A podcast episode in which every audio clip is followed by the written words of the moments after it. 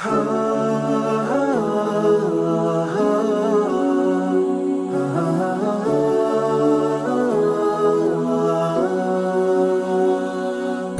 alaikum och hjärtligt välkommen till Koranpodden. Detta är podcasten som hjälper dig förstå Allahs ord och där vi träffar spännande personer och samtalar med dem om samhällsaktuella frågor i ljuset av Koranens budskap. Du lyssnar på poddavsnitt 129 och idag ska du få lyssna på mitt samtal med både Hussein och Fatima. Detta blir ett mycket unikt poddavsnitt på Koranpodden eftersom det är allra första gången som du får lyssna på ett samtal med två gäster samtidigt. Vanligtvis är det ett samtal mellan mig och en gäst. Med detta avsnitt bryter vi ny mark på Koranpodden. Två gäster samtidigt. Och om du frågar mig så ger det samtalet en extra dynamik och djup. Jag hoppas att du kommer tycka om det nya upplägget. Eftersom vi har två gäster samtidigt så blir samtalet också lite längre än vanligt. Det kommer glädja alla er lyssnare som har hört av sig till mig och önskat att avsnitten var lite längre. I detta samtal delar jag och mina två gäster, Fatima och Hussein, konkreta tips och råd på hur du kan ta dig ur en deppig period i ditt liv. Livet är inte alltid en dans på rosor, utan ibland ställs vi inför svåra situationer som gör att vi känner oss nere, deprimerade och djupt sårade och ledsna. Vi kanske har tappat och saknar livsglädjen. Livet känns mörkt och dyster. Men som troende vet vi att det är en tillfällig period i våra liv och att det finns ett ljus i tunneln. Detta avsnitt visar dig hur du hittar till detta ljus. Okej, nog med försnack. Här är mitt samtal med Fatima och Hussein om hur du tar dig ur en deppig period i livet.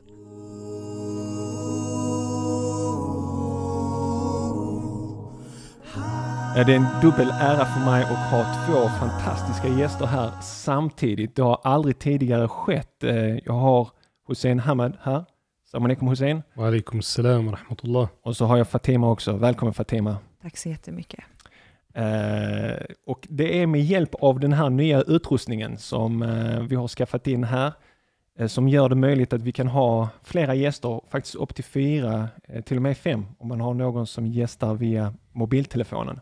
Så alhamdulillah, det, är först och främst med Allahs hjälp som vi har kunnat liksom uppgradera det och med det stödet som vi får från Sveriges muslimer som har eh, donerat och vi har köpt den här utrustningen så att vi kan göra de här intervjuerna. Jag tror det kommer berika Koranpodden med fler gäster samtidigt.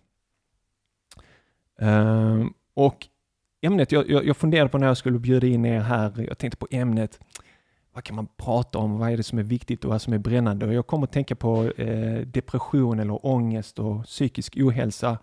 som jag stöter på att många ungdomar brottas med och jag tänkte att vi skulle kanske kunna ge lite tips och råd på vad man kan tänka på för liksom, eh, underlätta för, eh, för oss. Eh, vad tycker ni om temat? Jag tycker det är ett superbra tema. Mm. Eh, jag tror att det är någonting som alla kan relatera till på ett eller annat sätt. Antingen att man själv har gått igenom eller går igenom tuffa tider eller så känner man till någon som gör det. Mm. Så eh, det är någonting som berör. Och eh, jag själv tycker ju om det lite mer melankoliska av livet. Så reflekterar en del kring det faktiskt. Mm. Hussein, hur tänker du? Jag tycker att det är ett tema som, eh, vad man brukar säga, det är en ett brännande tema. Mm. Eller en brännande fråga. Mm. Uh, tyvärr. Uh, det är som, jag läser Viktor Frankls klassiker uh, Man's Search for Meaning.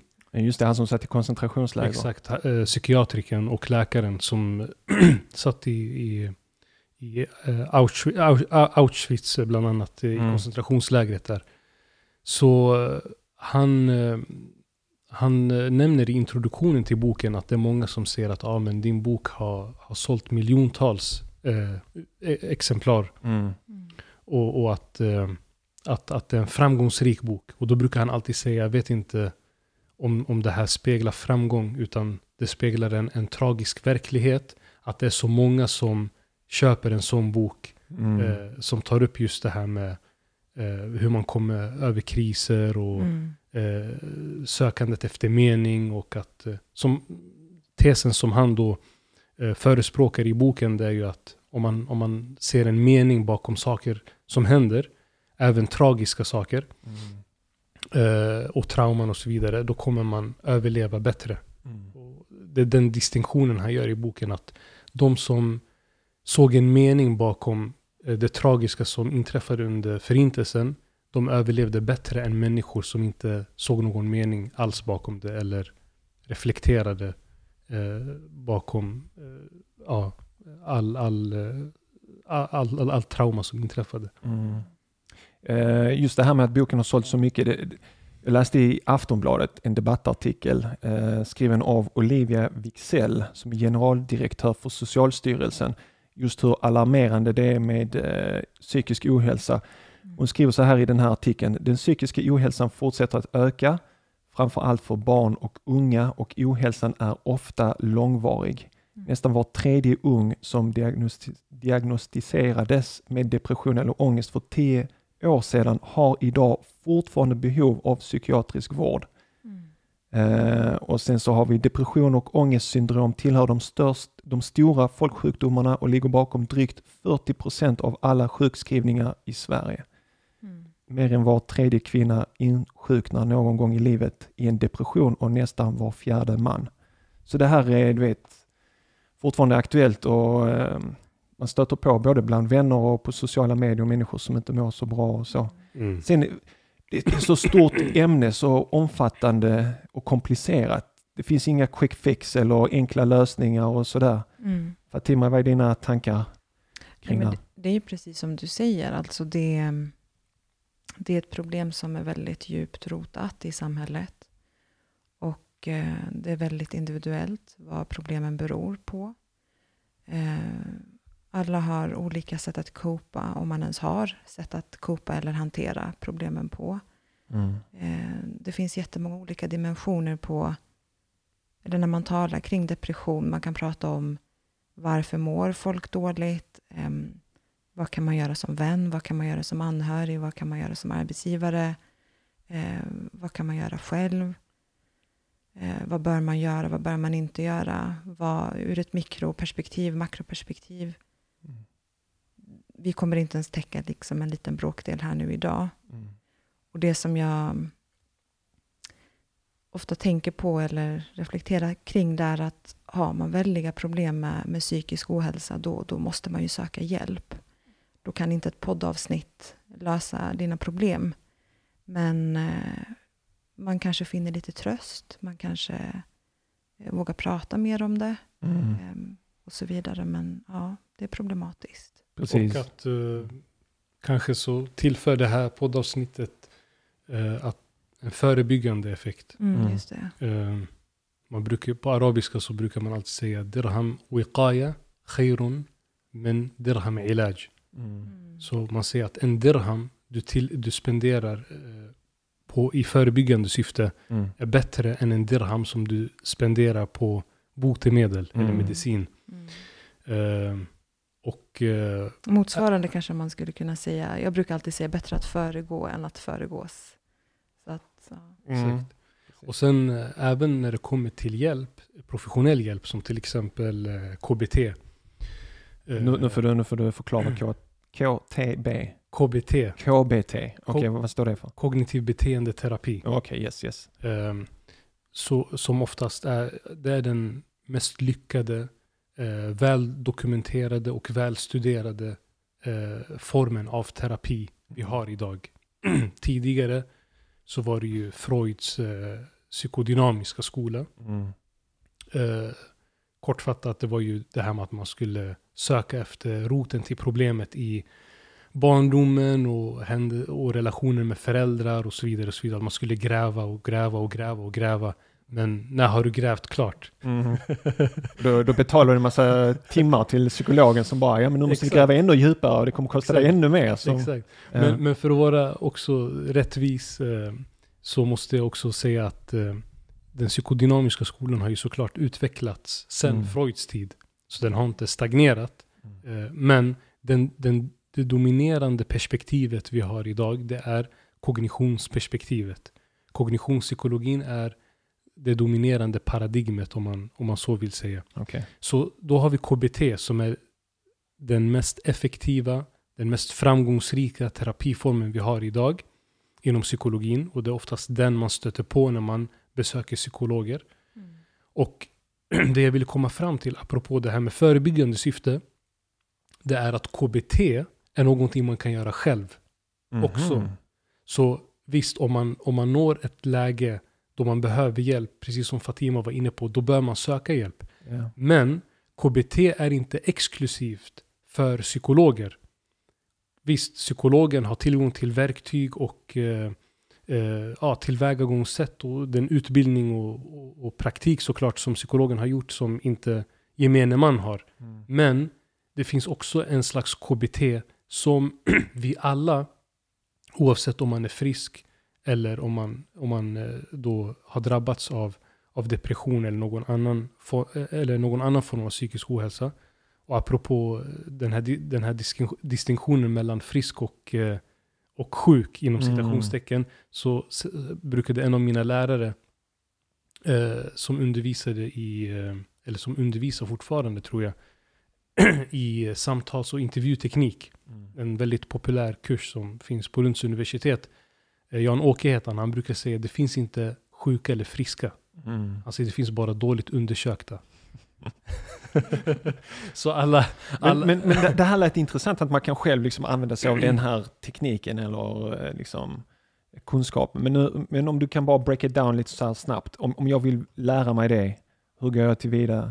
Hur går jag tillväga då om jag vill kunna själv? Det finns bra böcker eh, mm. och, och, och, jag kan dela med mig av en lista mm på eh, så punkter som du sen kan lägga upp på hemsidan ja, på Koranpodden. Mm. Och det är från en, en bok som inte har så mycket med KBT att göra, mm. men som tar upp KBT. Okay. Um, ehm, och den tar upp KBT uh, eh, som en effektiv form um, för att uh, ifrågasätta ens, uh, ens känslor. Det här med det man kallar för emotional reasoning. Mm. Det vill säga att man inte ska försöka tolka allting som händer i världen utifrån ens interna eh, perspektiv eller ens, eh, utifrån ens känslomässiga tillstånd. Det vill säga vad jag känner är inte alltid verkligheten. Det speglar inte alltid verkligheten. That's true, that's true. Och det där, KBT handlar väldigt mycket om att ifrågasätta mm. eh, vad man känner, ifrågasätta ens interna tillstånd. Eh, på så vis att vad jag känner kanske inte står i proportion till vad som händer eh, i den externa världen. Precis, för det som jag känner ibland när jag pratat med människor som är lite nedstämda eller som går in i en depression eller en ångest, det är att de känner att allting går emot dem. Mm. Jag gjorde det här och det slog emot mig. Jag gör det här och, och, och så misslyckas jag. Och alla är emot mig och jag är ensam och eh, alla andra har gått vidare och jag har fastnat här. Eh, det, är en vanlig tanke som jag har stött på som jag känner som en så här röd tråd. Kan det vara en sån tanke som man liksom har matat in i huvudet som man kanske behöver komma bort från? Det är, det är mycket riktigt det du säger och det är på grund av att depressionen skapar kognitiva strukturer eh, som blir en slags eh, strålkastare mm. som zoomar in på det negativa. Mm. Du vet att våra kognitiva nätverk eller våra tankar är ju strukturerade på så vis att det som är relaterat, det som är associerat till någonting aktiverar oftast, till exempel om jag ser fotboll, mm. då aktiverar det ett nätverk hos dig, associationer som vi alla har till fotboll. Zlatan. Till exempel, du, precis. Att, du, att, du, att det första du tänker på är Zlatan uh -huh. visar på att det finns en stark association i, di, i, bland, i ditt kognitiva nätverk mellan mm. fotboll och mellan Zlatan. Mm. En annan person som kanske ett stort Barcelona-fan skulle kanske säga Messi. Mm. Eh, det är det första man skulle kunna tänka på. Så när man då drabbas av depression, då blir den här eh, strålkastaren som tidigare brukade zooma in på både positiva erfarenheter och kanske också ibland lite negativa erfarenheter och att det, att det fanns en slags balans. Mm. Så börjar det nu helt plötsligt förbise det positiva och bara zooma in på det negativa. Mm. Och därför blir det att man hela tiden selektivt tar fram negativa erfarenheter och det blir den här spiralen. Mm. Jag är misslyckad, jag är dålig, Ja. allt i mitt liv suger, allt i mitt liv är dål, eh, eh, eh, misslyckat och så vidare. Och så vidare. Men sen också Och- att när- man, när man är deprimerad eller när man eh, strugglar med eh, inre eh, kamper, då har man inte de verktygen som man vanligtvis brukar ha för att hantera eh, svåra situationer eller svåra människor. Mm. Eh, så då kanske det är så att hade du mått bra, då hade du kanske stött på samma problem, men det hade inte varit ett problem i lika stor utsträckning, för du hade kunnat hantera det. Men nu, nu är det liksom, Du befinner dig i den Ja. situationen. Vad gör du? Hur ska du kunna se utanför det som strålkastaren ja men jag tycker det är superbra det som du säger Hussein, för det är ju verkligen så, men jag tänker att det första steget är väl att man blir medveten om att, om att det är därför man känner som man gör. Mm. Att skapa en medvetenhet kring problemet eh, gör att du, eh, du möjliggör för dig själv att förhoppningsvis kunna eh, ja, men hitta lösningarna, eller Mm. lösningen, tänker jag. Eh, men det är inte en quick fix som du var inne på tidigare. Mm. Eller hur, Det, det är en bra poäng du tar upp för att man hamnar i ett slags moment 22 Ja. när man drabbas av depression. För att depression föregås och är väldigt starkt associerat till utmattning och Ja. utmattningssyndrom. Mm. Så man har inte den här tankekraften eller hjärnkraften så att säga. Man kan inte uppbåda eh, kraften att kunna tänka utanför boxen så att säga. Nej. Eh, utan det Är, blir, det, är det där man behöver extern hjälp? Alltså någon att prata med eller? Exakt, den externa hjälpen eh, kan hjälpa en att, att just rikta strålkastaren. Jag Mm. använder strålkastaren som en metafor för vad, för vad vår uppmärksamhet går till. Mm. För att vi tar inte in allt i världen. Allt, till exempel just nu, även om det finns en massa vackra saker i ditt vardagsrum. så, Ja, är, så, eller hur? så är jag fokuserad Så är jag fokuserad på det här samtalet. Jag är, Ja, fokuserad, Riktigt bra liknelse. jag är fokuserad på att prata med dig. Ja. Eh, och just därför, du sa till mig innan att jag ska prata väldigt nära mikrofonen. Jag tänker på det hela Äta- tiden. Prata äta nära, mikrofonen. Exakt, att jag ska äta mikrofonen. Eh, men, men det glömmer jag bort Mm. emellanåt på grund av att min, min, min strålkastare fokuserar på någonting helt annat. Mm. Mm. Så, det- så, så det är en av, eh, en av de saker som, som då är eh, ett faktum inom, inom psykologin och inom annan forskning. Det är just det här med attention. Mm. Att, att vår eh, uppmärksamhet är väldigt begränsad.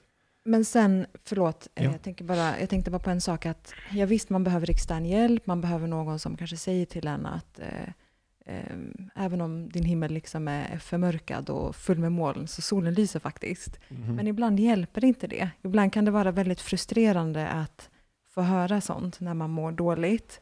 För då känner man kanske att folk förminskar ens... ehm, Jag, jag känner igen det där, det- är så här, men vad, du har ingenting Ja, att klaga över, du precis, borde vara exakt. lycklig och glad, du har två ben, du har Och så- ögon och... ja. Ja. Precis, Mm. eller typ tänk på de som har det värre, vilket är Ja. jättebra, verkligen. Det, det försöker jag själv göra. Mm. Ehm, men just när du mår dåligt så kan det vara väldigt frustrerande att få höra de här sakerna, för då känner man sig än mer ensam Mm. i sin sorg och än mer oförstådd och än mer negativt eh, inställd till sin omgivning. Och då tänker jag att ibland handlar det faktiskt bara om att försöka rida ut vågen. Mm. Att om någon kommer till mig och säger Fatima, jag, jag mår verkligen dåligt och det känns som att allting går emot mig. Så kanske jag i den stunden bara säger att det är okej att du känner så. Mm. Och vad du känner, det är liksom din verklighet för dig. Men det kommer bli bättre inshallah. För det är, världen är inte en Disney World, alltså Nej. så här Disney-värld. Nej, precis. Eh, och det är speciellt nu när det är så här inför jul och så, eh, Mm. så finns det mycket så här julfilmer som är så överpositiva. Positiva. Alla kommer så här, hej dad, I have a gift for you. Du vet, så så det blir för mycket. Ja, det blir och, för mycket. och livet är inte så. Ibland har man tuffa tider och som man ska ta sig förbi. Faktiskt, så jag, jag brukar tänka som så att livet är i sig ganska tråkigt. Mm. Jag, jag tänker som så att livet är inte att det alltid ska vara på topp allting, utan livet är ganska så mediokert i bästa fall. Mm. Och ibland så blir det väldigt bra, väldigt roligt och väldigt eh, glamoröst och glittrande och, och så, massa kärlek och Mm. jättekul. Men ibland så blir det också väldigt tufft.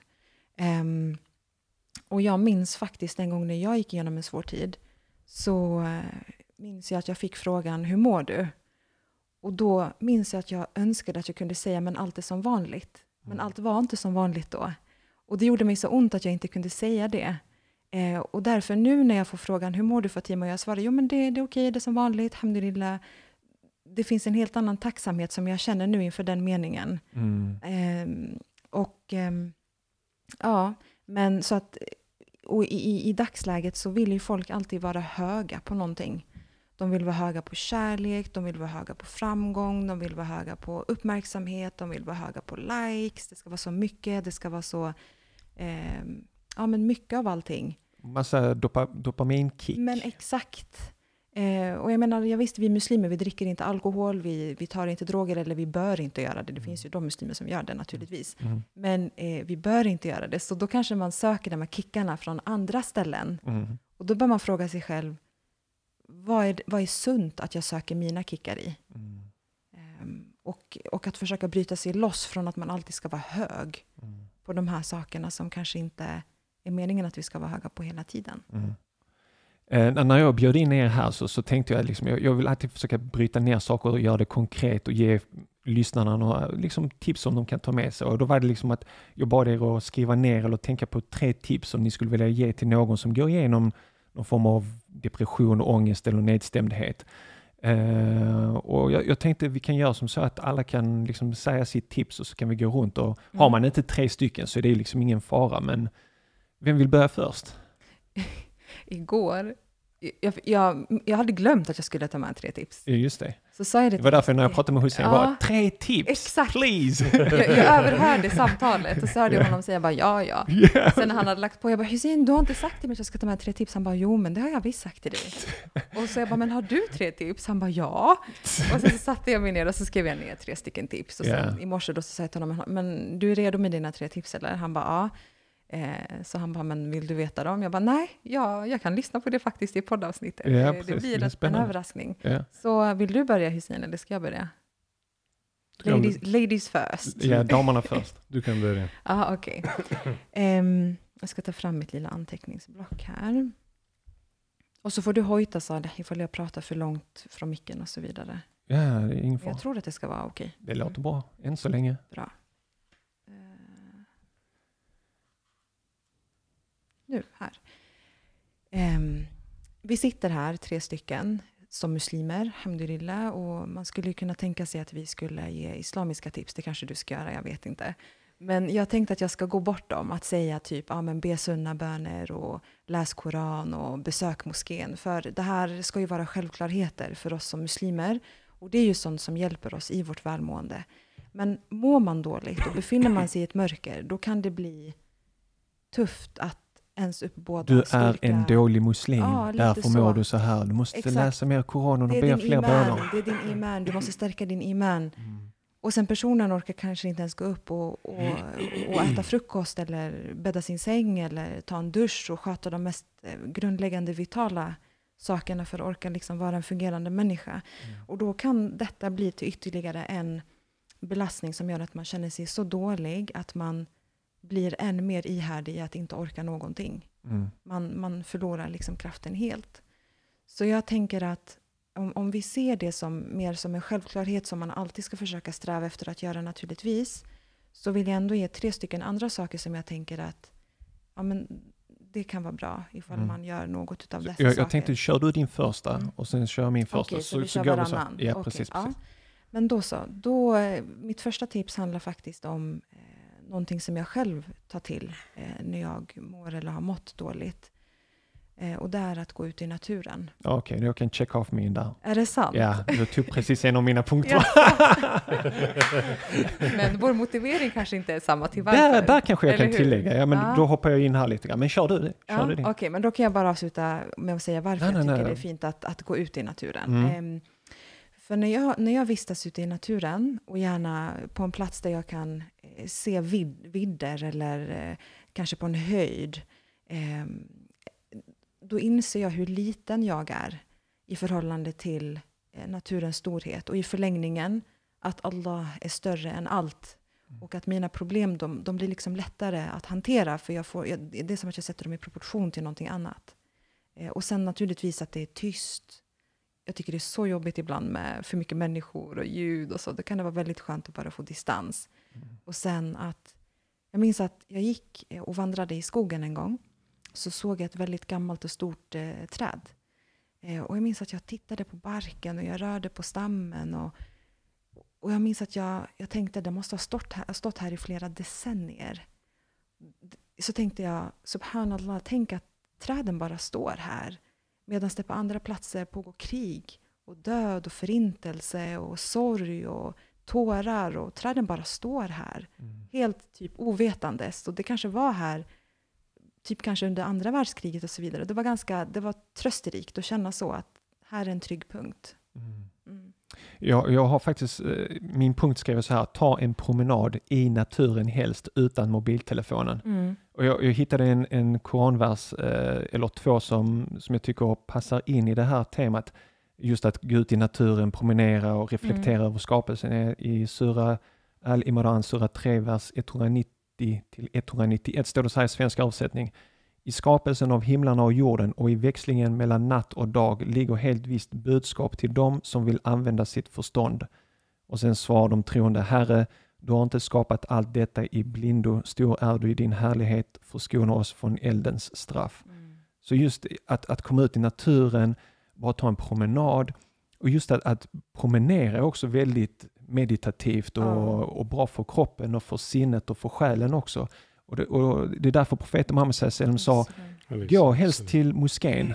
Han kunde lika bra säga, använd kamelen eller någonting annat, något mm. färdmedel för att ta er till moskén. Men han sa att gå till moskén mm. är det bästa. Och det fanns vissa sahaba som medvetet bodde så långt som de kunde från moskén för att mm. få den här belöningen. För varje steg du tar så får du en belöning och ett steg tar bort din synd. Så att mm. jag, jag, tror man behöver mer av det, speciellt i en tid som till exempel, ta mig, jag kör till jobbet, Exakt. jag sitter vid kontoret, går in i ett klassrum och undervisar lite grann, och sen in i bilen, kör hem igen och sen så är jag hemma sittande. Ja, så att, man, att just att röra kroppen och promenera är för mig väldigt viktigt. Sen såg jag en, en dokumentär på Vetenskapens Värld där jag blev introducerad till ett begrepp som jag aldrig hade hört om innan, mm. eh, som var skogsbad. Ja, just det. Ja, just det här bad har jag faktiskt hört. Mm. Ja, och det är inte att du går ut och badar i skogen, utan du, du är i skogen, men badar liksom i, i naturen och med det goda som naturen ger. Så om man har ett intresse för detta så kan man googla mm. på skogsbad. Jag vet inte vad det heter på engelska, någonting med... Eh, shower någonting tror just jag, det. nature shower eller något sånt där. Ja, någonting sånt. Det var väldigt intressant. Så Hussein, berätta din första punkt. Min första punkt är en bortglömd sunna. som man då, ursäkta, som man kan använda både när man är deprimerad och när man är eh, när man eh, har fysiskt ont eller är fysiskt sjuk. Mm. Och det är sadaka. Mm. Att man då betalar eller skänker eh, lite av sin förmögenhet i välgörande ändamål. Och, eh, alltså att man skänker bort en allmosa. Och eh, mina punkter, eh, de faller tyvärr, eller den här punkten och en annan punkt som jag har, de faller tyvärr lite i glömska på grund av att vi lever i ett materialistiskt samhälle och där vetenskapen är överordnad religionen. Vetenskapen idag har en roll som religionen hade tidigare. Så va, oavsett om det är medvetet eller undermedvetet så har man på något vis köpt den här eh, idén om att religion är pseudovetenskap. Att det är hokus pokus. Mm. Och vi som troende muslimer, vi tror ju på att den metafysiska världen är minst lika verklig som den verkliga världen. Mm. Allah subhanahu wa ta'ala i, eh, i inledningen eh, av Koranen efter al-Fatiha, al-Baqara, alif lam mim, al-kitabu la rayba fi, hudan lil muttaqin. Eh, att det är en vägledning för de gudsfruktiga, de gudsmedvetna. Sedan beskriver han vilka är dessa gudsmedvetna. Så den först, det första som karaktäriserar dessa, denna grupp är Alladina yu'minuna bil ghaib. De som tror på det osedda. Så det, idag eh, så finns det en trend, en mottrend som har vuxit fram från eh, icke-muslimska röster. Inte av muslimer, utan av icke-muslimska röster. Som då ifrågasätter just det här, eh, den här fixeringen vid det materialistiska, vid eh, att man ifrågasätter farmakologin och intaget av eh, artificiell medicin och så vidare. Man vill gå tillbaka till det gamla. Man, man pratar om tankens kraft. Att eh, tanken kan ha en otrolig effekt på eh, eh det som kallas för konvalescens, det vill säga perioden då man tillfrisknar efter en, period, eh, efter en sjukdom. Och även på att eh, bli frisk från en sjukdom. Så jag skulle vilja få människor att reflektera och tänka, och i synnerhet muslimer, just på att inte nedvärdera religionens roll. Mm. Och tänka att nej, det här har ingen verklig effekt. Nej. Så, precis som när profeten Muhammed sallallahu alaihi wasallam säger Ma naqasa malun min sadaqa en, en, en, en rikedom eller en egendom kommer aldrig minskas av sadaqa. Det här är inte eh, abstrakt. Det här är inte eh, någonting som sägs i, i överförd betydelse eller en metafor eller en liknelse. Mm. Det här är en verklig effekt. När du betalar sadaqa så kommer inte din egendom att minskas. Det är inte så här eh, som när man säger som när man säger till sin son, ah, vad fin teckning du har ritat, mm. men man vet att det inte är en fin teckning. Men förklara det då Hussein, jag ger 100 kronor från mitt bankkonto och jag ser minus 100 kronor. Ja, just det. Ja. Då är det ju back. Ja, jag tänker, men, nu säger jag bara vad jag antar att oh, de som lyssnar kommer tänka. Det är en jättebra fråga. Men i det långa loppet, mm. du vet inte vad, vad Gud har skyddat Exakt. dig för sjukdomar. Exakt. Du vet inte vad Gud har skyddat dig från eh, katastrofer eller till exempel att eh, han kanske skyddar dig från att mm. du att använder bilen eller bussen eller tåget vid en speciell tidpunkt. Eller att Allah ger mig någonting som, som jag kanske egentligen inte skulle ha fått, men på grund av att jag gav sadaqa så fick jag det. Exakt. Mm. Men, men, det, men det, är många, det är många icke-muslimer också, alltså människor överlag som mår väldigt bra av att hjälpa andra. Mm. Skänka till uh, så här goda ändamål eller så. Exakt. Så att mår man dåligt så är det ju bra att man gör någonting mm. gott. Så att... Men nu ska vi väl också uh, kanske tänka på de som lyssnar på detta som mår dåligt och som inte har det så gott ställt ekonomiskt. Mm. Eh, hur Absolut. tänker du där Hussein? Nej men det här är bara en av punkterna. Ja, jag men... tänker att alla, alla våra samlade, alla punkter som, som vi alla delar med oss av, mm. att man kan vraka och välja, det blir som ett slags smörgåsbord. Exakt, men sen också vad jag tänkte på, eh, det är ju att det finns ju inte sagt vilken summa man ska ge. Nej. Så jag menar, om jag ger eh, om jag ger en krona från, från en buffert på 10 kronor, så är det i procent lika mycket som om någon gav 10 kronor men som har en buffert på 100 kronor. Så jag menar, man ger ju utifrån det som man är kapabel ifrån att ge. Absolut. Eh, och att det, Allah vet din avsikt. Du, du har det knapert, men du, du swishar en krona för att du vill visa Allah att Allah, här är jag. Jag är din tjänare, jag är behov av dig.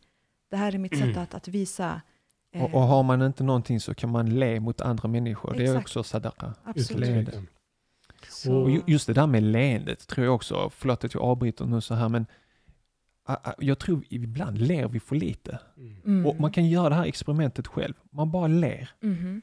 Den andra människan som du möter kommer börja le. Mm. Och inombords kommer du må mycket bättre. Mm. Alltså även om du fejkar ett leende, bara ni som Absolut. lyssnar nu, bara, mm. bara liksom ha ett leende på ert ansikte så kommer ni känna liksom inom några sekunder att man mår mycket bättre inombords. Mm. Har du svårt att göra det, du som lyssnar? Ta en penna och sätt mellan dina, mellan dina tänder. Det är sant, jag läste det i den här boken Tänka snabbt och långsamt. Okej. Okay. Då får man ett leende. Ja, då får man ett leende. Ja, om man har svårt för att få ett le naturligt leende. Om man är leende. superbitter och bara, nej jag vägrar le. Inom psykologin så är det just det här med att när man aktiverar vissa muskler, mm. eller en viss respons, som är väldigt starkt associerat, associerat till en känsla, Mm. Så lyckas man aktivera den känslan. Mm. Du kan aktivera ilska på samma vis. Om man knyter nävarna ja, och, och liksom, sänker ögonbrynen. Precis. Så kommer man känna att ilskan börjar välla upp eh, inombords. Mm. samma sak är det med leendet. Precis som du säger. Mm. Fake it till you make it. ibland, ibland så stämmer det. Men just apropå det här med sadaqa. Mm. Det är ju Alltså orsaken till varför jag valde det är för att eh, det är förankrat i en profetisk eh, visdom eller ett mm. profetiskt uttalande.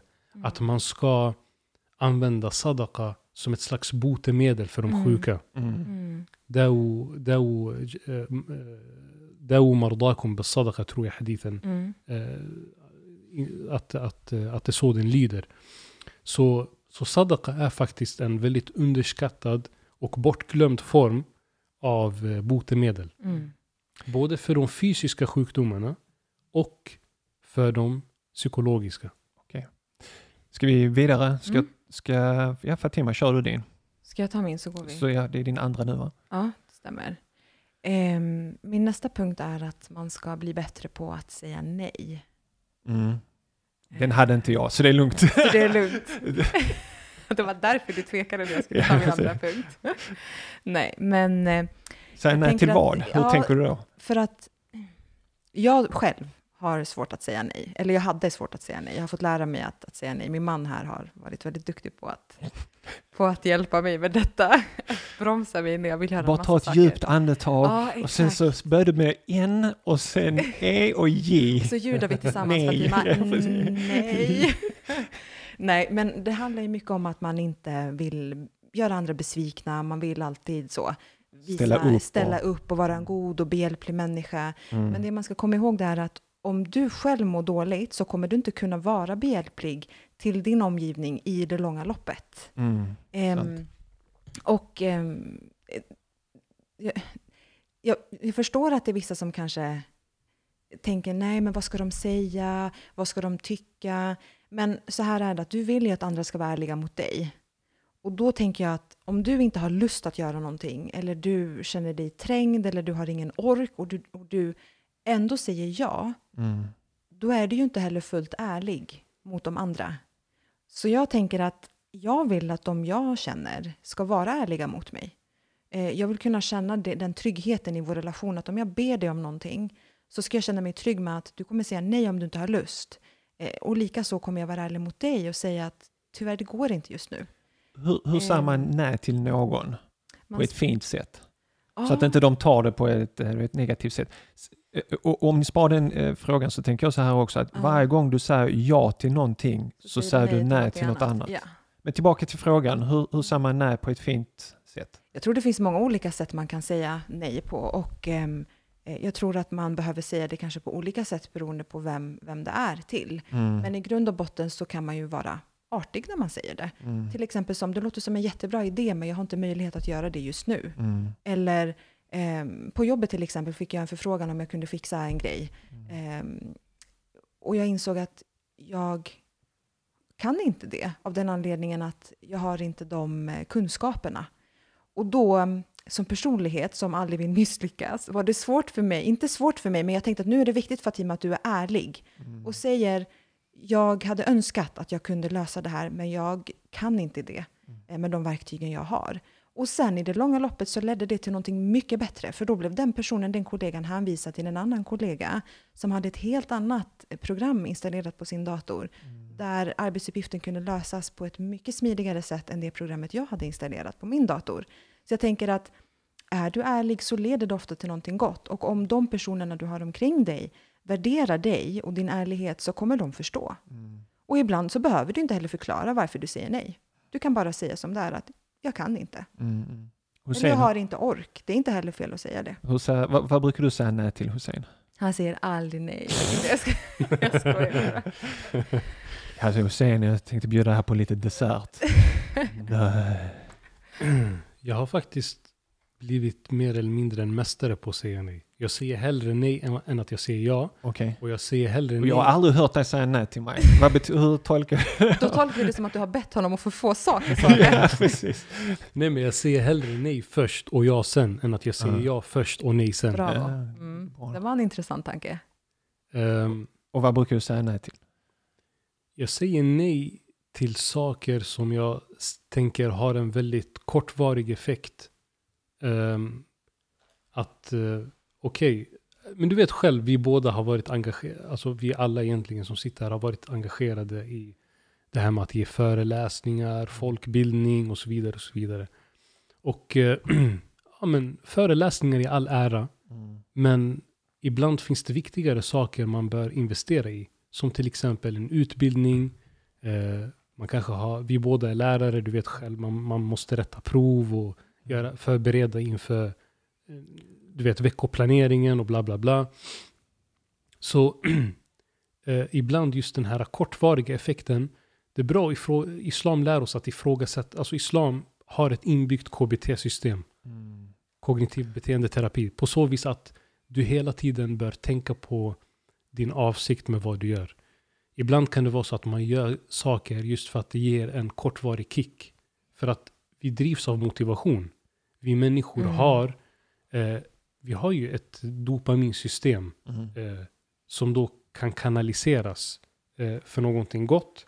Och tyvärr så kan det också, också lura in oss i, i, i, i vissa fallgropar. Till exempel med sociala medier, att man blir, att man blir trapped mm. i, i just det, eh, den dop, i det dopaminsystemet, i det belöningssystemet. Mm. Så jag tänker ibland så gör man saker när man har svårt att säga nej. Man gör saker just för att det ger en kick. Mm. Och eh, att göra saker eh, och få andra människors bekräftelse, ja, andra människors eh, nöjdhet. Förstår du vad jag menar? Men vad intressant, och, det, man... och det är därför som härskartekniker mm. just använder sig av och kanaliserar just den kraften. Just den här svagheten, det här bugget i systemet inom citationstecken.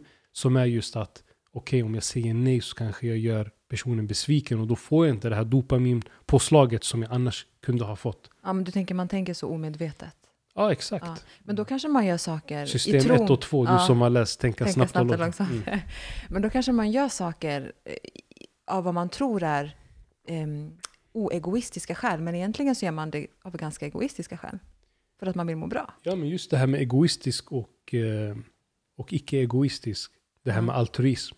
Ja. Det är en hårfin gräns va? Det, det, har, exakt, det har ifrågasatts väldigt mycket inom psykologin. Mm. Finns, finns verklig altruism? Mm. Som, tro, som troende måste man ändå kunna säga ja på den frågan.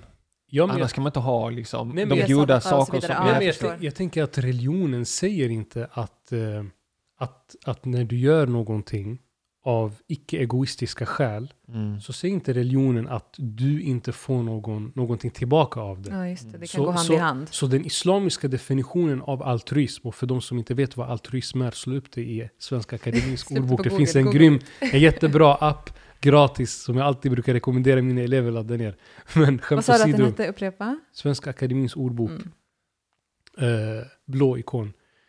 Utgiven av Svenska Akademin.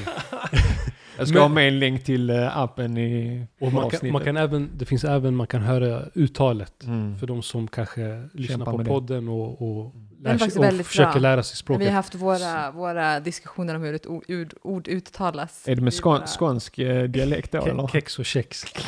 Men det brukar finnas flera högtalare och då vet man att ordet kan uttalas på flera olika sätt.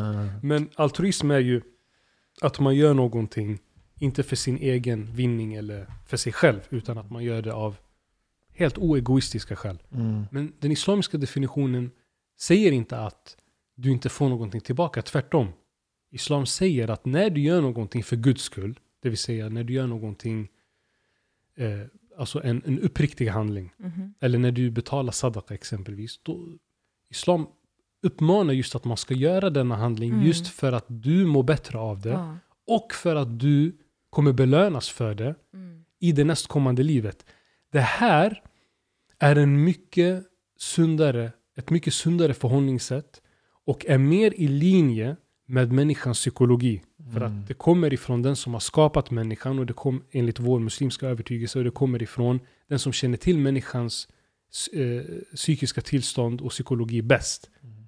Det vill säga Gud vet att vi är egoistiska. Mm. att vi gillar att göra saker som vi blir belönade för. Mm. Det är så vi är i vår natur. Ja, absolut. Och därför blir det väldigt så eh, idealistiskt eh, på ett väldigt onaturligt sätt. Ja, att säga när man ska göra saker.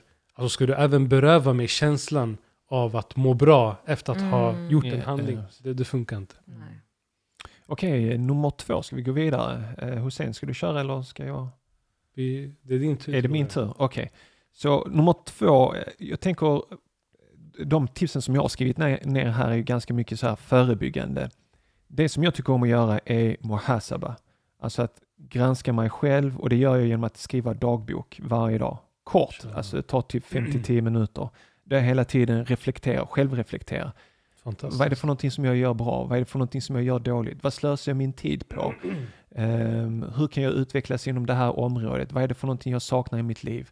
De här sakerna, inte sånt vet, som när man gick i låg eller mellanstadiet. Idag har jag träffat Lisa och vi lekte i sandlådan och solen sken.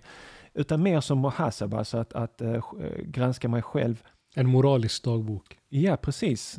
Och, och det är det som, som, som jag hoppas och tror gör att jag inte hamnar i en depression eller en ångest. Mm, För att jag, jag själv vet bäst vad jag behöver utvecklas med. Mm. mm. Och det är faktiskt ett superbra tips för att ibland så känner man att man har så många tankar. Att det känns som ett enda virvar. Mm. Och det känns så abstrakt, men om man får det på pränt så kan det kännas bättre. Det blir mer hanterbart. Precis. Mm. Mer struktur liksom. Mm. Och är det någonting som jag känner liksom bubblar upp i huvudet som man är irriterad över, så man kan bara skriva ner det. Mhm. Mm. Då kan man titta på det och då är det inte så stort. Men när det är i huvudet så kan det bara mm. snurra runt och runt och runt och växa. Mm. Men om jag bara skriver ner det och säger okej, okay, det är bara det här, okej, okay, lösningen är det här, nu är det klart, nu vänder vi mm. sida, nu går vi vidare.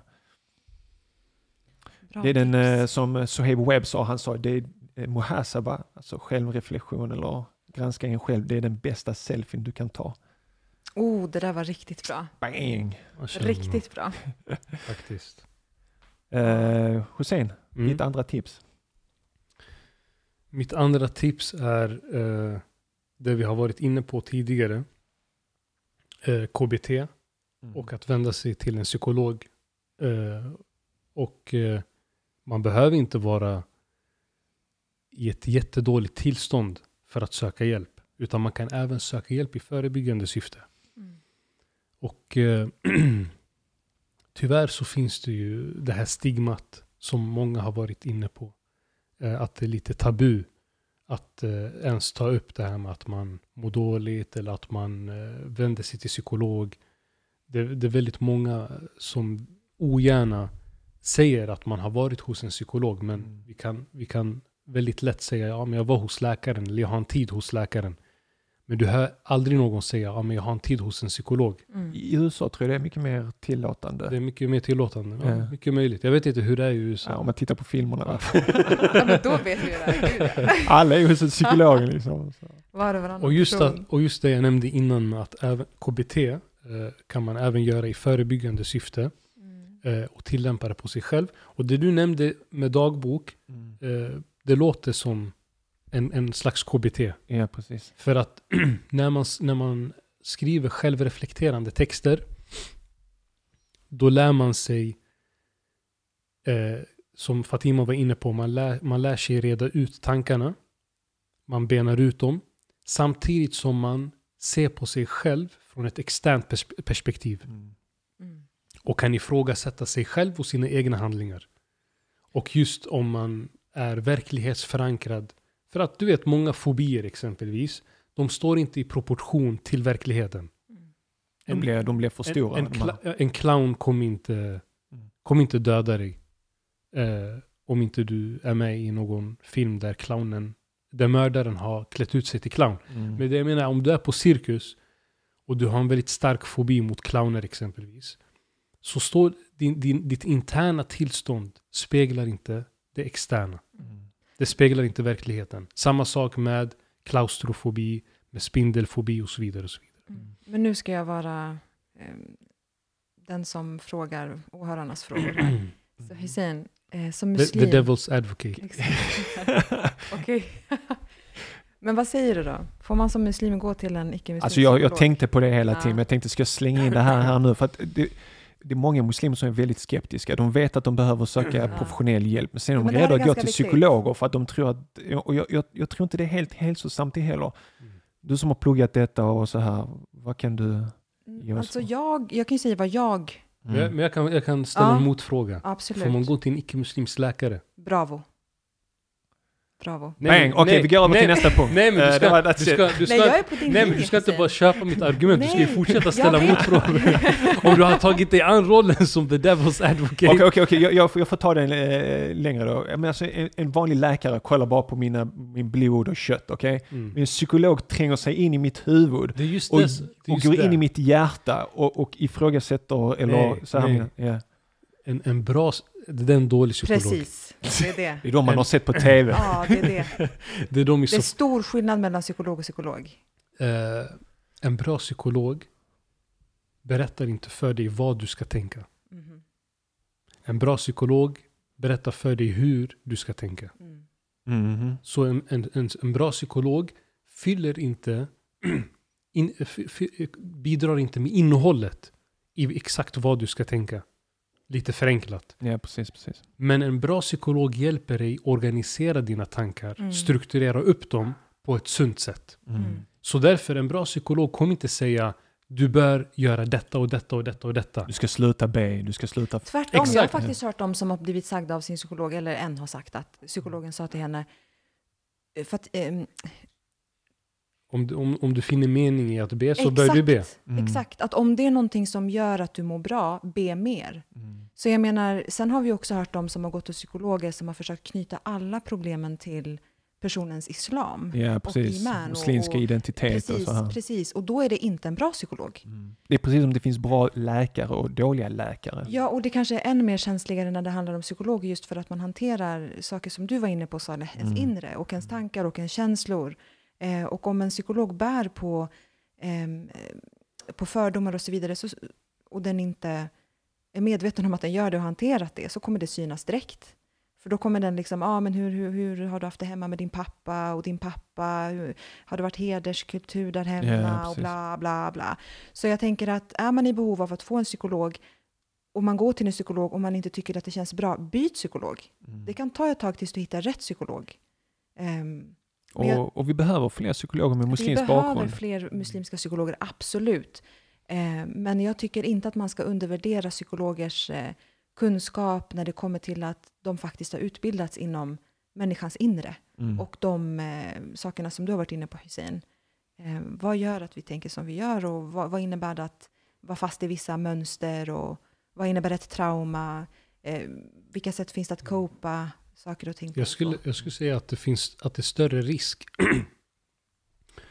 att folk utan kompetens lägger sig i psykologers domän Mm. eller, eller inkräktar på psykologers terri- territorium. Som till exempel vissa läkare när de ska fastställa en diagnos eller, eller sjukskriva en person. Så jag har hört riktigt bizarra och konstiga grejer av läkare. Alltså att läkare har sagt vissa grejer Mm. Att ah, men du är deprimerad på grund av det här och det här. Väldigt så här pseudovetenskapliga, förenklade eh, orsakssamband som läkare drar. Och läkaren har egentligen ingenting med det, med det psykologiska att göra. Mm. Läkaren ska ju fastställa diagnosen utifrån riktlinjerna som, som rör läkaryrket. Mm. Som, som är då mer av klinisk anatomisk Mm. Eh, karaktär. Och, och sen vidarebefordra personen till en psykolog. Mm. Men, sen, Men, men det finns en, en tendens att man, att man, eh, du vet, overstep the boundaries. Att Mm. man ger sig Ja. in på någon annans territorium. Sen, eh, eh, just det här med, eh, med psykologin, så finns det väldigt mycket stereotyper Mm. och fördomar. Man, det är många som fortfarande tänker på psykologin som att den är kvar. Att, Fre- Freuds tid. ja, att den är kvar där i, i, Freuds era och i Freuds tankar och så vidare. Eh, Det är som att psykologin inte har, har utvecklats. Det är som att psykologin inte har, har avancerat. mm. Och eh, jag tror att det kan vara nyttigt för alla som har tid och möjlighet att ta en grundkurs i psykologi. Eh, en översiktskurs i psykologi eller läsa någon bok för att just förstå den moderna psykologin. Mm. Det här med kognitionsperspektivet som är det dominerande i psykologin idag. Vad innebär detta? Vad innebär det här med att, vi, att allting måste vara beprövat? Att det ska finnas studier bakom allting. Bara en sån sak som den här boken Omgiven av idioter. Mm, den är väldigt populär. Den är väldigt populär men den är starkt ifrågasatt av psykologisamhället Mm. och vetenskapssamhället. För att det är pseudovetenskap. Mm. Och det är just de, tankar, de här tankarna eh, som är väldigt starkt förknippade med Carl Jung som var då eh, Freuds elev men sen gick de skilda vägar. Och med Freud, att det var väldigt mycket pseudovetenskap. Bara, bara det här med det undermedvetna Mm. ratar man inom psykologin idag. Det är väldigt utbrett i folkmun att man säger ja, men det var mitt undermedvetna. Ja, precis. Så- så Undermedvetna tankar som är förtryckta va? Ja, men, Som- men det här, det, här eh, det, det, det har man undergrävt Mm. inom psykologin. Mm. Just på grund av att det är mer av pseudovetenskaplig karaktär och ett cirkelargument som inte går att varken avvisa eller bekräfta. Mm. Men vi kanske kan sammanfatta detta med att som, om man mår dåligt så bör man se till alla möjliga olika slags verktyg och hjälp Absolut. som finns. Att, att, Söka att professionell tillgå. hjälp. Ja, precis. Och att sen är ju inte vi några som kan sitta här och säga att detta funkar perfekt och detta är inte alls bra, men Mm. lite så våra egna tankar bara. Eh, men vi kan väl göra så bara för att eh, bryta mönster här. Ja, just det. Så kan vi ju ta dig först. Okej, Valle. okej, schysst. Eh, då har jag min sista och eh, det är nära vänner som man kan prata med. Och, det finns en vers i Koranen, Sura 9, vers 71. Eh, på svenska lyder det, men de troende männen såväl som kvinnorna är varandras sanna vänner och fasta stöd. Mm. Så att när jag har saker och ting på min, min, min närmsta vän är min fru. Som Mm. jag, om det är något som jag är nedstämd eller någonting har hänt så pratar jag med henne, hon är Mm. min psykolog. Mm. Eh, och eh, sen har jag mina nära vänner. Och man behöver inte ha så många vänner som man har på Facebook. Vad Mm. har jag på Facebook? 4600 någonting. Mm. Alltså nära vänner kan jag, kan jag räkna på en hand alltså. Samma som här. är mina nära vänner. Samma och det är till dem jag vänder mig. Mm. Eh, borde kanske vända mig mer än vad jag gör. Men jag tror man ska aldrig underskatta ens nära vänner när Nej. man mår dåligt och pratar också, med dem. jag hade också det som en punkt. Okej, så Mm. Helt så då- då då- Han säger det nu när du redan är klar. Jag hade bara, nej du tog min. jag hade det, just det här med, med Mm. sociala relationer. mm. Mm. Mm. Men fortsätt du hur, har du, hur tänker du kring det? Nej, jag tänker på att eh, det är så vitalt att ha kvalitativa sociala relationer. Mm. Eh, och i en longitudinell studie, och med longitudinell det vill Wow, säga... wow, ja, ja, precis. Okej. Han svimmar Jag bara- här. Jag bara i, I en longitudinell studie, det vill säga en studie, Longitude, ja, jag kan inte en, en, det. en studie som görs över, över längre tid. Yes, yes. Okej? Mm. Eh, as oppose, alltså i motsats till En att kort. man, en kort. Finns den med i, S, i Svenska Akademiens ordlista? vilken Den som Fatima? Man får föreslå den. Nej, men man brukar prata om att man just bara gör en intervention en Mm. gång Ah, och så. Men den här studien som då är gjord eh, i Harvard mm. eh, och, och man har även sammanfattat den här studien i TED-talk. Mm. Så, Får du också länka till så den här studien är väldigt eh, fascinerande på så vis att den sträcker sig inte bara över längre tid Mm. utan den sträcker sig över flera forskare. Så Okej. det finns forskare som påbörjade studien som nu är döda, som har lämnat över arbetet till andra forskare. Så det går i flera, Mm. i flera generationer så att säga. Mm. Och de, de, de, de förutsåg aldrig att studien skulle fortsätta så här länge. Mm. Men man har fortsatt hela tiden. Så vad man gjorde var att man undersökte ett hundratals, tror jag det var, individer. Från eh, typ barndomen, ungdomen och sen vuxen ålder. Och sen försökte man identifiera vissa faktorer. Och sen på grund av att man har fortsatt med den här studien så har man nu även börjat undersöka deras barn. Mm. Och sen deras barnbarn. Så går så vidare. generation liksom. Exakt, så det är inte bara att forskare har tagit över i flera generationer utan även man har även fortsatt med, Följa dem liksom. med, med, med barnen till de som eh, var med i studien för första gången. Och man försökte identifiera vissa faktorer för vad som utgör ett bra liv. Det goda livet. Deep stuff man. Det, det som, ja, så bland de saker som eh, då var en väldigt stark prediktor Mm. eh, till ett bra liv, det var kvaliteten på de sociala relationerna. Precis. Och det, det är oftast jag lyssnar på poddar och radio och du vet så här, man har gjort undersökningar också, man har frågat människor som är vid dödsbädden, vad är det du ångrar och så här, vad skulle du Exakt. önska? Det är ingen som önskar att de kunde tjäna mer pengar Exakt. eller annat. Det som folk säger, de önskar att de kunde odla fler goda sociala eh, relationer. Och jag tror att människor. det är Ester Perell som säger eh, kvaliteten på dina relationer avgör kvaliteten på ditt liv. Mm. Men vad mm. säger ni till de som säger jag har inga vänner? Jag känner mig jätteensam. Ni säger vänner, vänner, jag har inga vänner. Det finns inget substitut. Det är det som är det tragiska. Alltså, mm. Det är som att säga, vad säger vi till folk som inte äter mat? Vad säger vi till folk som inte andas? Mm. Vad säger vi till folk som inte dricker vatten? Det finns inget substitut. Det, det, det, det, har inte att göra med Men det är inte svårt att få goda vänner. Det är inte omöjligt. Alltså, det man... kan vara svårt. Mm. Det är inte så att jag klandrar de som inte har vänner. Mm. För att de inte har vänner. Mm. Det jag säger är att det finns inget substitut. Mm. Utan du måste anstränga dig. Precis. Eh, och sen tyvärr lever vi i ett individualistiskt samhälle som gör det svårt mm. att hitta vänner.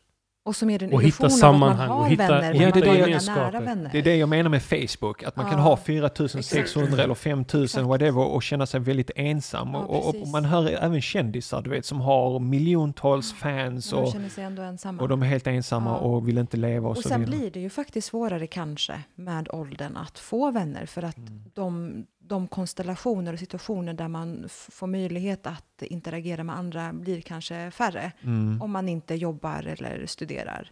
Um, för om man, mår man dåligt kanske man inte är ute så mycket och ja, man kanske är sjukskriven och så. Precis. Men um, jag tänker att man, man, där ligger det nog mycket på en själv att försöka. Kanske har jag en hobby?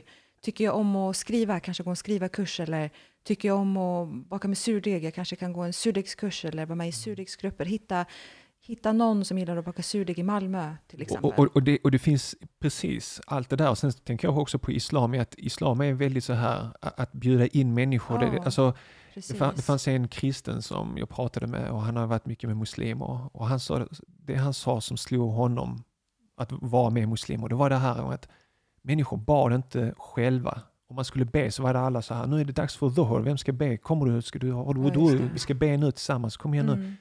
Just det här med att Eh, att besöka moskén. Man sitter inte där bara för sig själv utan människor hälsar på varandra, frågar hur är det? Så, mm. Och det är viktigt att just i min dagbok, va? om jag för dagbok, att tänka vilka är mina nära vänner? Hur odlar jag nära vänner? Hur, hur, ja, hur får jag de här nära vännerna som jag söker? Jag kan mm. inte bara sitta hemma och tro att de ska ja. öppna dörren och komma in, ja. utan jag måste aktivt också och samtidigt, söka. Samtidigt blir det också en påminnelse för, för oss att sträcka ut en hand mm. faktiskt. Mm. Jag Precis. tänker, mår du inte bra och du lyssnar på detta, okej, okay, då vet du att du kanske eh, bör fokusera på att lägga energi på att, om du, har, om du kan uppbåda den, att försöka hitta någon möjlig vän. Och mår du bra, vem runt omkring dig kan verka vara en sån som behöver en vän. Det, det är en, en, av, en av de eh, copingstrategier som man har studerat väldigt mycket inom psykologin. Det, det man kallar för socialt stöd. Mm. Och de, de grupper man brukar prata om eh, emotionsfokuserad coping, problemfokuserad coping och socialt stöd. Tre väldigt kända copingstrategier. Så problemfokuserad coping är att du förändrar situationen. Att du handgripligen mm. rycker in och ringer dina kontakter och säger till dem att fixa grejer eller typ ha en advokat som, du vet så. Mm, mm. Och det här är eh, förbehållet privilegierade grupper. Mm. och det har visat sig att det är mest vita män som använder sig av den här copingstrategin. Och sen har vi emotionsfokuserad coping som är att när du inte kan förändra situationen så förändrar du ditt förhållningssätt till situationen. Mm. Så till exempel, någon dör. Du kan inte återuppliva en person som har dött. Så vad du gör är, och det är därför som väldigt många som är väldigt så här äh, kontrollfreak och besatta av kontroll när de drabbas av, av någonting som är oåterkalleligt mm.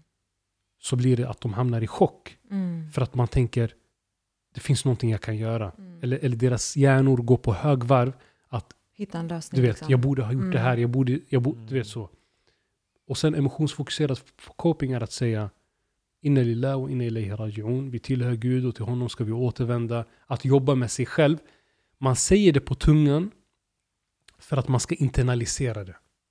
Det är, inte, det är inte säkert att man har internaliserat det man säger. Mm. Så när man säger inna lillah och inna ilayhi raji'un, när man upprepar det flera gånger vid en katastrof eller när någon dör, så blir det som att man försöker skicka det här, de signalerna mm. till hjärtat. Mm. Från huvudet till hjärtat. att Kom ihåg, mm. det går inte att förändra situationen. Mm. Och sen den sista eh, socialt stöd som är då att eh, söka sig till vänner, söka sig till familj, försöka hitta stöd hos dem. Och de här två copingformerna, socialt stöd och emotionsfokuserad coping, används, har visat sig i forskningen användas mest i USA exempelvis av kvinnor mm. och minoritetsgrupper. Bland annat svarta och latino och så vidare. Just den, är, den är gratis? Den är gratis och de här grupperna de har inte tillgång till privilegier och makt mm. och att kunna lösa sina problem själva på samma vis. Så därför blir det att man just eh, hemfaller eller, eller, eller söker sig till emotionsfokuserad coping och socialt stöd. Och även, man kan även lägga till andlighet. Mm. Man brukar inkludera andlighet i emotionsfokuserad coping. Men till exempel, man märker att många muslimer när de mår dåligt så söker de sig till moskén. Mm. Och det är en bra form av coping, att när man har det tufft i skolan eller hemma så kommer man till moskén. Mm. För att i moskén hittar man andra som man kan prata med. Man kan skingra sina tankar. Man kan eh, läsa Koran, man kan sitta och bara. Eh, insupa och absorbera lugnet som finns Precis. där. Mm. Det är en speciell miljö och plats som gör att man inte behöver tänka och oroa sig om annat. Mm. Ska vi ta våra sista? Det, det var min sista, eh, Nära vänner. Det var nog din sista också va? Var det din sista också? Där? Nej, jag har en annan. Okej, okay. Eh, kör du din och sen avsluta med Fatima. Yes, min sista är eh, chockerande kanske för vissa. Koranläsning. Okej. Okay. Så man hör väldigt många på sociala medier och Facebook säga så här att ah, men, när jag mådde dåligt då var det många som sa till mig att ah, men läs Koran och du vet så. Eh, och man säger det på ett sätt som att eh, som att man på något vis underskattar Koranens kraft. Mm. Man ringaktar Koranen på något sätt. Man ringaktar Koranen, man nedvärderar Koranens roll och prioritet. Och det, det jag har varit inne på tidigare, det här med att, man, att religionen ses som pseudovetenskap. Och det, det kanske må vara så att vi med, på ett medvetet plan ser nej men såklart Koranen är baraka, det är en välsignelse, det är ett botemedel och så vidare. och så vidare. Att vi upprepar de här sakerna men, men, på att vi, men att vi på ett omedvetet plan har köpt eller, eller tagit till oss tanken om att nej, religionen har ingen verklig kraft eller effekt egentligen. Och vi får inte glömma att Allah säger i Koranen i surat al-Isra وَنُنَزِّلُ مِنَ الْقُرْآنِ مَا هُوَ شِفَاء وَرَحْمَةٌ لِلْمُؤْمِنِينَ I Koranen så har vi förankrat botemedel, medicin, shifa och barmhärtighet för de troende. Och när en följeslagare utan en bekräftelse av profeten Ali på eget initiativ läste al-Fatiha som en slags ruqya, som en slags andlig eh, läkemedelskonst. Så sa profeten Ali när han berättade för profeten Ali senare, så sa profeten وَمَا أَدْرَاكَ أَنَّهَا رُقْيَ Vad fick dig att ta till denna metod? Vad fick dig att veta att Al-Fatiha, första suran i Koranen, att det är botemedel? Så han gjorde det på eget initiativ och profeten Ali salam bekräftade handlingen att det, det stämmer det du gjorde. Mm. Även om inte du fick höra det från mig så stämmer det att det finns botemedel eh, i Al-Fatiha. Så både den här punkten och sadaqa är två bortglömda typer av lä läkemedelskonst. Mm. Att just läsa, när man har ont i foten, vad lär vi våra barn? Det är inget fel med medicin. Det är inte så att jag sitter här och förespråkar att vi ska, vi ska sluta använda mediciner. Mm -hmm. Absolut inte. Nej, vi kombinerar de här. Mm. mm. Och just den här motrörelsen som jag nämnde innan. Och det finns även en bra dokumentär på Netflix, jag glömde bort vad den hette, jag får kolla upp det. Som tar upp just detta. Att det finns en obalans. Vi, vi, vi, vi, vi konsumerar för mycket eh, Medicin.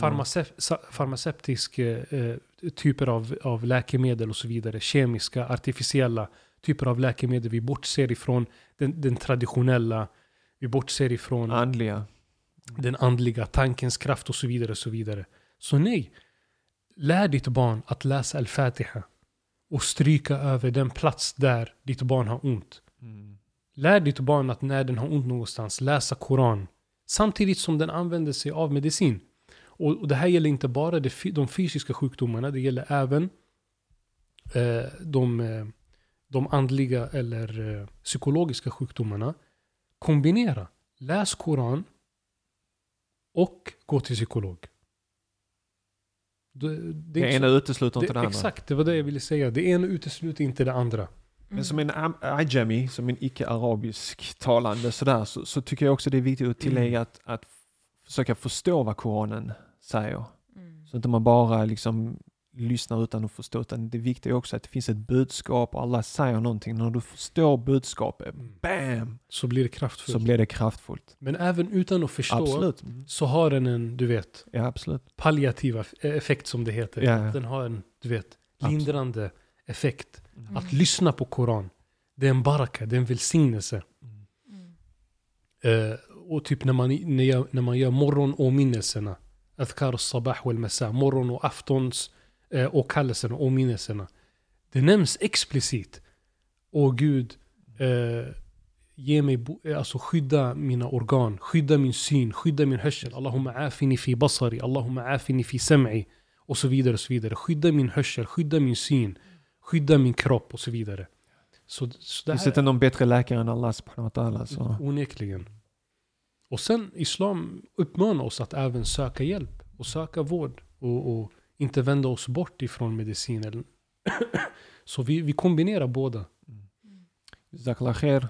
Fatima, du började och du avslutar. Ja, men jag tror faktiskt du hade fyra punkter Hussein. Eh, Har han en bonus? Jag, jag tänker vi kan repetera dem lite snabbt innan jag, går, innan jag går, går in på min sista, så blir det som en liten okay. recap för åhörarna. Jag tror att du hade Sadaqa som den första, KBT som den andra, och sen eh, social, ja, vänner, sociala relationer mm. som den tredje och sen nu läsa Koran. Exakt. Och du hade, mm. Saleh, den första att ta promenad, naturen, yes. eller hur? Yeah. Och sen minns jag att trean var också vänner, men tvåan har jag glömt. Och tvåan var, som jag har skrivit här i mina anteckningar, det var skriva dagbok. Just ja. Och härsaba. Så var det. Mm. Eldreflektion. Och eh, min första var att uh, gå ut i naturen, andra var våga säga nej och nu tredje har faktiskt att göra uh, med sociala medier och elektronik. Mm. vi blir helt dränkta i notifikationer på alla möjliga håll. Dels när vi väl går in i de sociala medierna, men också på själva skärmen. Eh, så jag förespråkar att man kanske stänger av notifikationerna på telefonen, att man inte alltid utsätts för de här störningarna som det ändå innebär när skärmen lyses upp. Mm. Ehm, och eh, ifall man känner att man måste försöka vara ärlig mot sig själv och ställa sig själv frågan varför är jag på Facebook? Varför är jag på Instagram? Vad ger det mig egentligen? Är det min nyfikenhet som stillas eller fyller det någon funktion? Det kanske fyller en funktion vanligtvis, men just nu mår jag dåligt så jag känner att jag kan inte riktigt eh, eh, jag kan inte riktigt hantera att det går så bra för alla andra, till synes, mm. att det går så bra för alla andra. Eh, och jag kämpar här med mitt, jag mår dåligt. Ja, men stäng av mm. just då. Och om du sen vill gå tillbaka så gör det när du mår bättre. Eh, läs fler böcker än tweets, eh, än inlägg. Ehm, det är inte riktigt möjligt, jag vet. Det går ju mycket snabbare att läsa fem tweets än fem böcker, men ni förstår vad jag menar. Du får, du får ut mycket mer av en bok än en ja, tweetflöde. Det där med böcker och tweets har hon fått från min tygpåse. okay. Jag köpte en tygpåse från Adlibris i uh. Adlibris-butiken i Göteborg. Okay. Uh. Och vad står det på den? Och på den står det Reading tweets doesn't make you well read. Ah. Och jag får inte låna den tygpåsen. Jag får låna allt annat från honom, men inte den. men jag älskar faktiskt tygpåsar. Jag har jättemånga olika. Är du inte det med Malcolm X också? Har du inte den kvar? Jo, jo den har han kvar faktiskt. Ja. Um, så. Ja, jag, jag kan det, verkligen det, det känna, gäller... känna igen mig i det där. Alltså, jag, jag har själv stängt av notifikationer. Jag har ja. bara sms och telefonsamtal då, då, som går igenom. Då har du känt hur skönt det är. Men Facebook, WhatsApp, Viber, allt mm. andra som jag har, det märker jag inte någonting Nej, av. Exakt. Min fru hade ju notifikationer. Ja. Och jag, jag, tittade på hennes telefon, liksom, den var pling, pling, pling, pling. Alltså, och hon, visste inte, hon visste inte att man kunde stänga av notifikationer bara för liksom WhatsApp uh, eller någon. Så uh. jag visade henne och så kom hon tillbaka. Åh, det känns så skönt yeah. nu, jag kan liksom leva. Och du kanske tror att du inte påverkas av dem, men, men helt uh, ärligt, när jag skickade ett mail till mig själv Och sen kommer det en notis, mail. Det blir så här, åh jag har fått ett mail. Och sen bara, just det, jag skickade för en sekund sedan, det var från mig själv. för att man kan, det kommer liksom, vad är det Hussein, system 1. det är liksom så här, direkt bara, man, det kommer så eh, omedvetet. Men, eh, och jag tänker också att eh, vi alla äger faktiskt ansvaret att försöka värna om vårt välmående, vår glädje, vår hälsa, vår lycka. Det är ändå ett individuellt ansvar. Ingen annan kommer kunna skänka detta till dig. Man kan försöka bidra, försöka hjälpa dig, men du ansvarar ändå för, för, att, för att må bra. Mm. Um, så då får du, om du mår dåligt av nyheter, läs inte nyheterna. Det, det, det, du, brukar säga Hussein. Du vet, mm. Jag kom hem någon dag och bara, oh, gud, jag hade missat att den och den hade dött. Liksom. Alla mm. andra på jobbet visste att den hade dött. Jag kände mig som helt dum. Yeah. Och han bara, så sa han liksom att, eh, att alla vill vara så, eh, de vill kunna droppa olika små kunskaper här och där och visa att de är så himla allmänbildade. Men till vilken nytta egentligen? Ja, eh, för vi har bara ett visst mått av kognitiva resurser. Och då måste man försöka bestämma sig för på vad vill jag disponera mina kognitiva resurser. Så um, um, ta dig en stund, en halvtimme kanske, gå igenom din Instagram och avfölj de som inte ger dig någonting. Mm. Mm. Så det var, det var faktiskt min sista. Ja. Okej, okay. jag tror vi ska avrunda här. Mashallah, vi har hållit på ja, lite måste, mer än Vi måste bara timme. avsluta med att ja. testa, vad heter det, de här fina ljudeffekterna. vad, vad, är den här applåden? eh, säg, säg någonting fint så ska du få en applåd här. Man, allt... Vad ska jag säga? Ja, det har varit underbart att vara här oh, hos Saleh. torrt. Gud vad torrt. Yay! Tack alla, så mycket allihopa. Applåd till alla det här är alla, alla lyssnare, ja, precis som applåderar.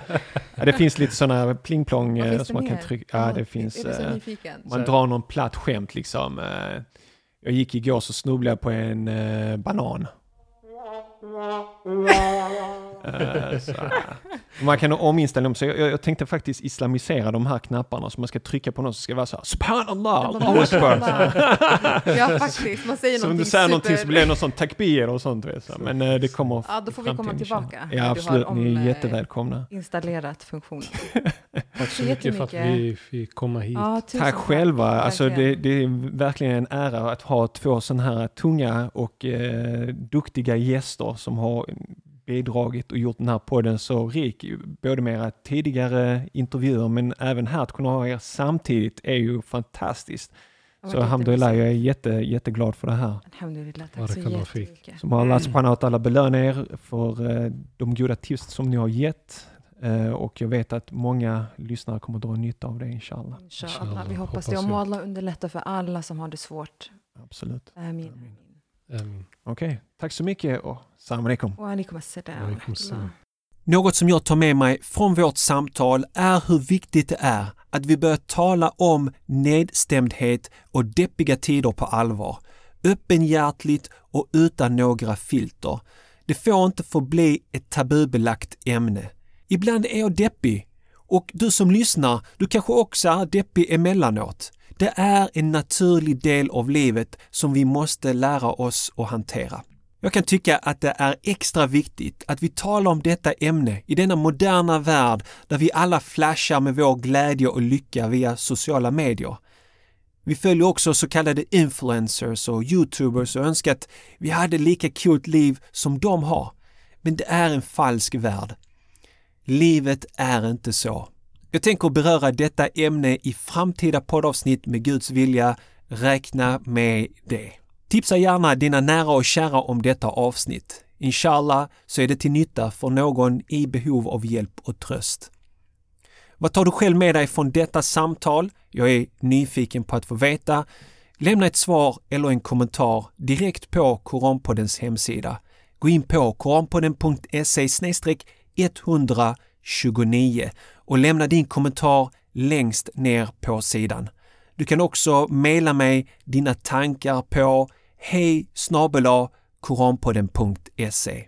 Alla boktips som du fick höra i detta avsnitt finner du på koranpodden.se 129 och om du vill studera detta ämne djupare vill jag tipsa dig om min distanskurs Botemedel mot sorg och ångest som du enkelt beställer via tahara.se. Jasmin som gick kursen skriver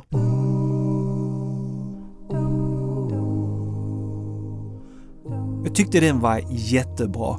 Den hjälpte mig väldigt mycket, alhamdulillah. Jag har lidit av ångest i många år. Blev bättre efter att jag konverterade, alhamdulillah, men fortfarande då och då. Men denna kurs hjälpte mig. Må Allah belöna dig. Fortsätt göra sådana här föreläsningar. Jazakumullah khair. Slutcitat.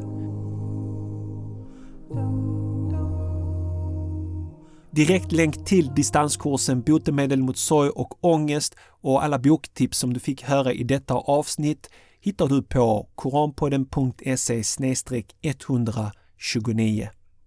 Nästa vecka är vi tillbaks inshallah med poddavsnitt 100 30 som blir säsongens sista poddavsnitt. Vi kommer nämligen ta semesteruppehåll under juli månad för att komma tillbaks med en ny fullspäckad säsong. Säsong 4. Missa inte det inshallah. Nästa veckas avsnitt blir dock ett spännande samtal med Martin och hans resa till islam via hiphopen. Här är ett kort utdrag från det samtalet. Nej, det var, det var jobbigt för mig bara att kolla. Du kan ju tänka mig hur det är för honom att sitta där. Så, ja, så det, är det, det är Mos Def. Han bryr sig verkligen om folket och om mm. samhället. Och det är inte sån aggressiv politisk rap heller, utan den, den, den är alltså, Hans låtar är väldigt lugna och harmoniska. Det är inte den här bam bam. Liksom. Mm, mm. Det är inte Ice Cube. det är inte Ice Cube. Missa som sagt inte nästa veckas avsnitt då jag samtalar med Martin som blir denna säsongens sista poddavsnitt. Glöm inte heller att ta en titt på min distanskurs Botemedel mot sorg och ångest som du hittar på tahara.se. Direktlänken till kursen hittar du på koranpodden.se 129. Följ oss på Facebook och Instagram för inspirerande och upplyftande korancitat under hela veckan och vill du komma i kontakt med mig så gör du det lättast genom att mejla mig på hej koranpodden.se. Då återstår det bara för mig att önska dig en härlig vecka. Tack för att just du lyssnar på Koranpodden. Vi hörs igen nästa vecka på måndag inshallah. Ta hand om dig tills dess. Salamu alaikum wa rahmatullahi wa barakatuh.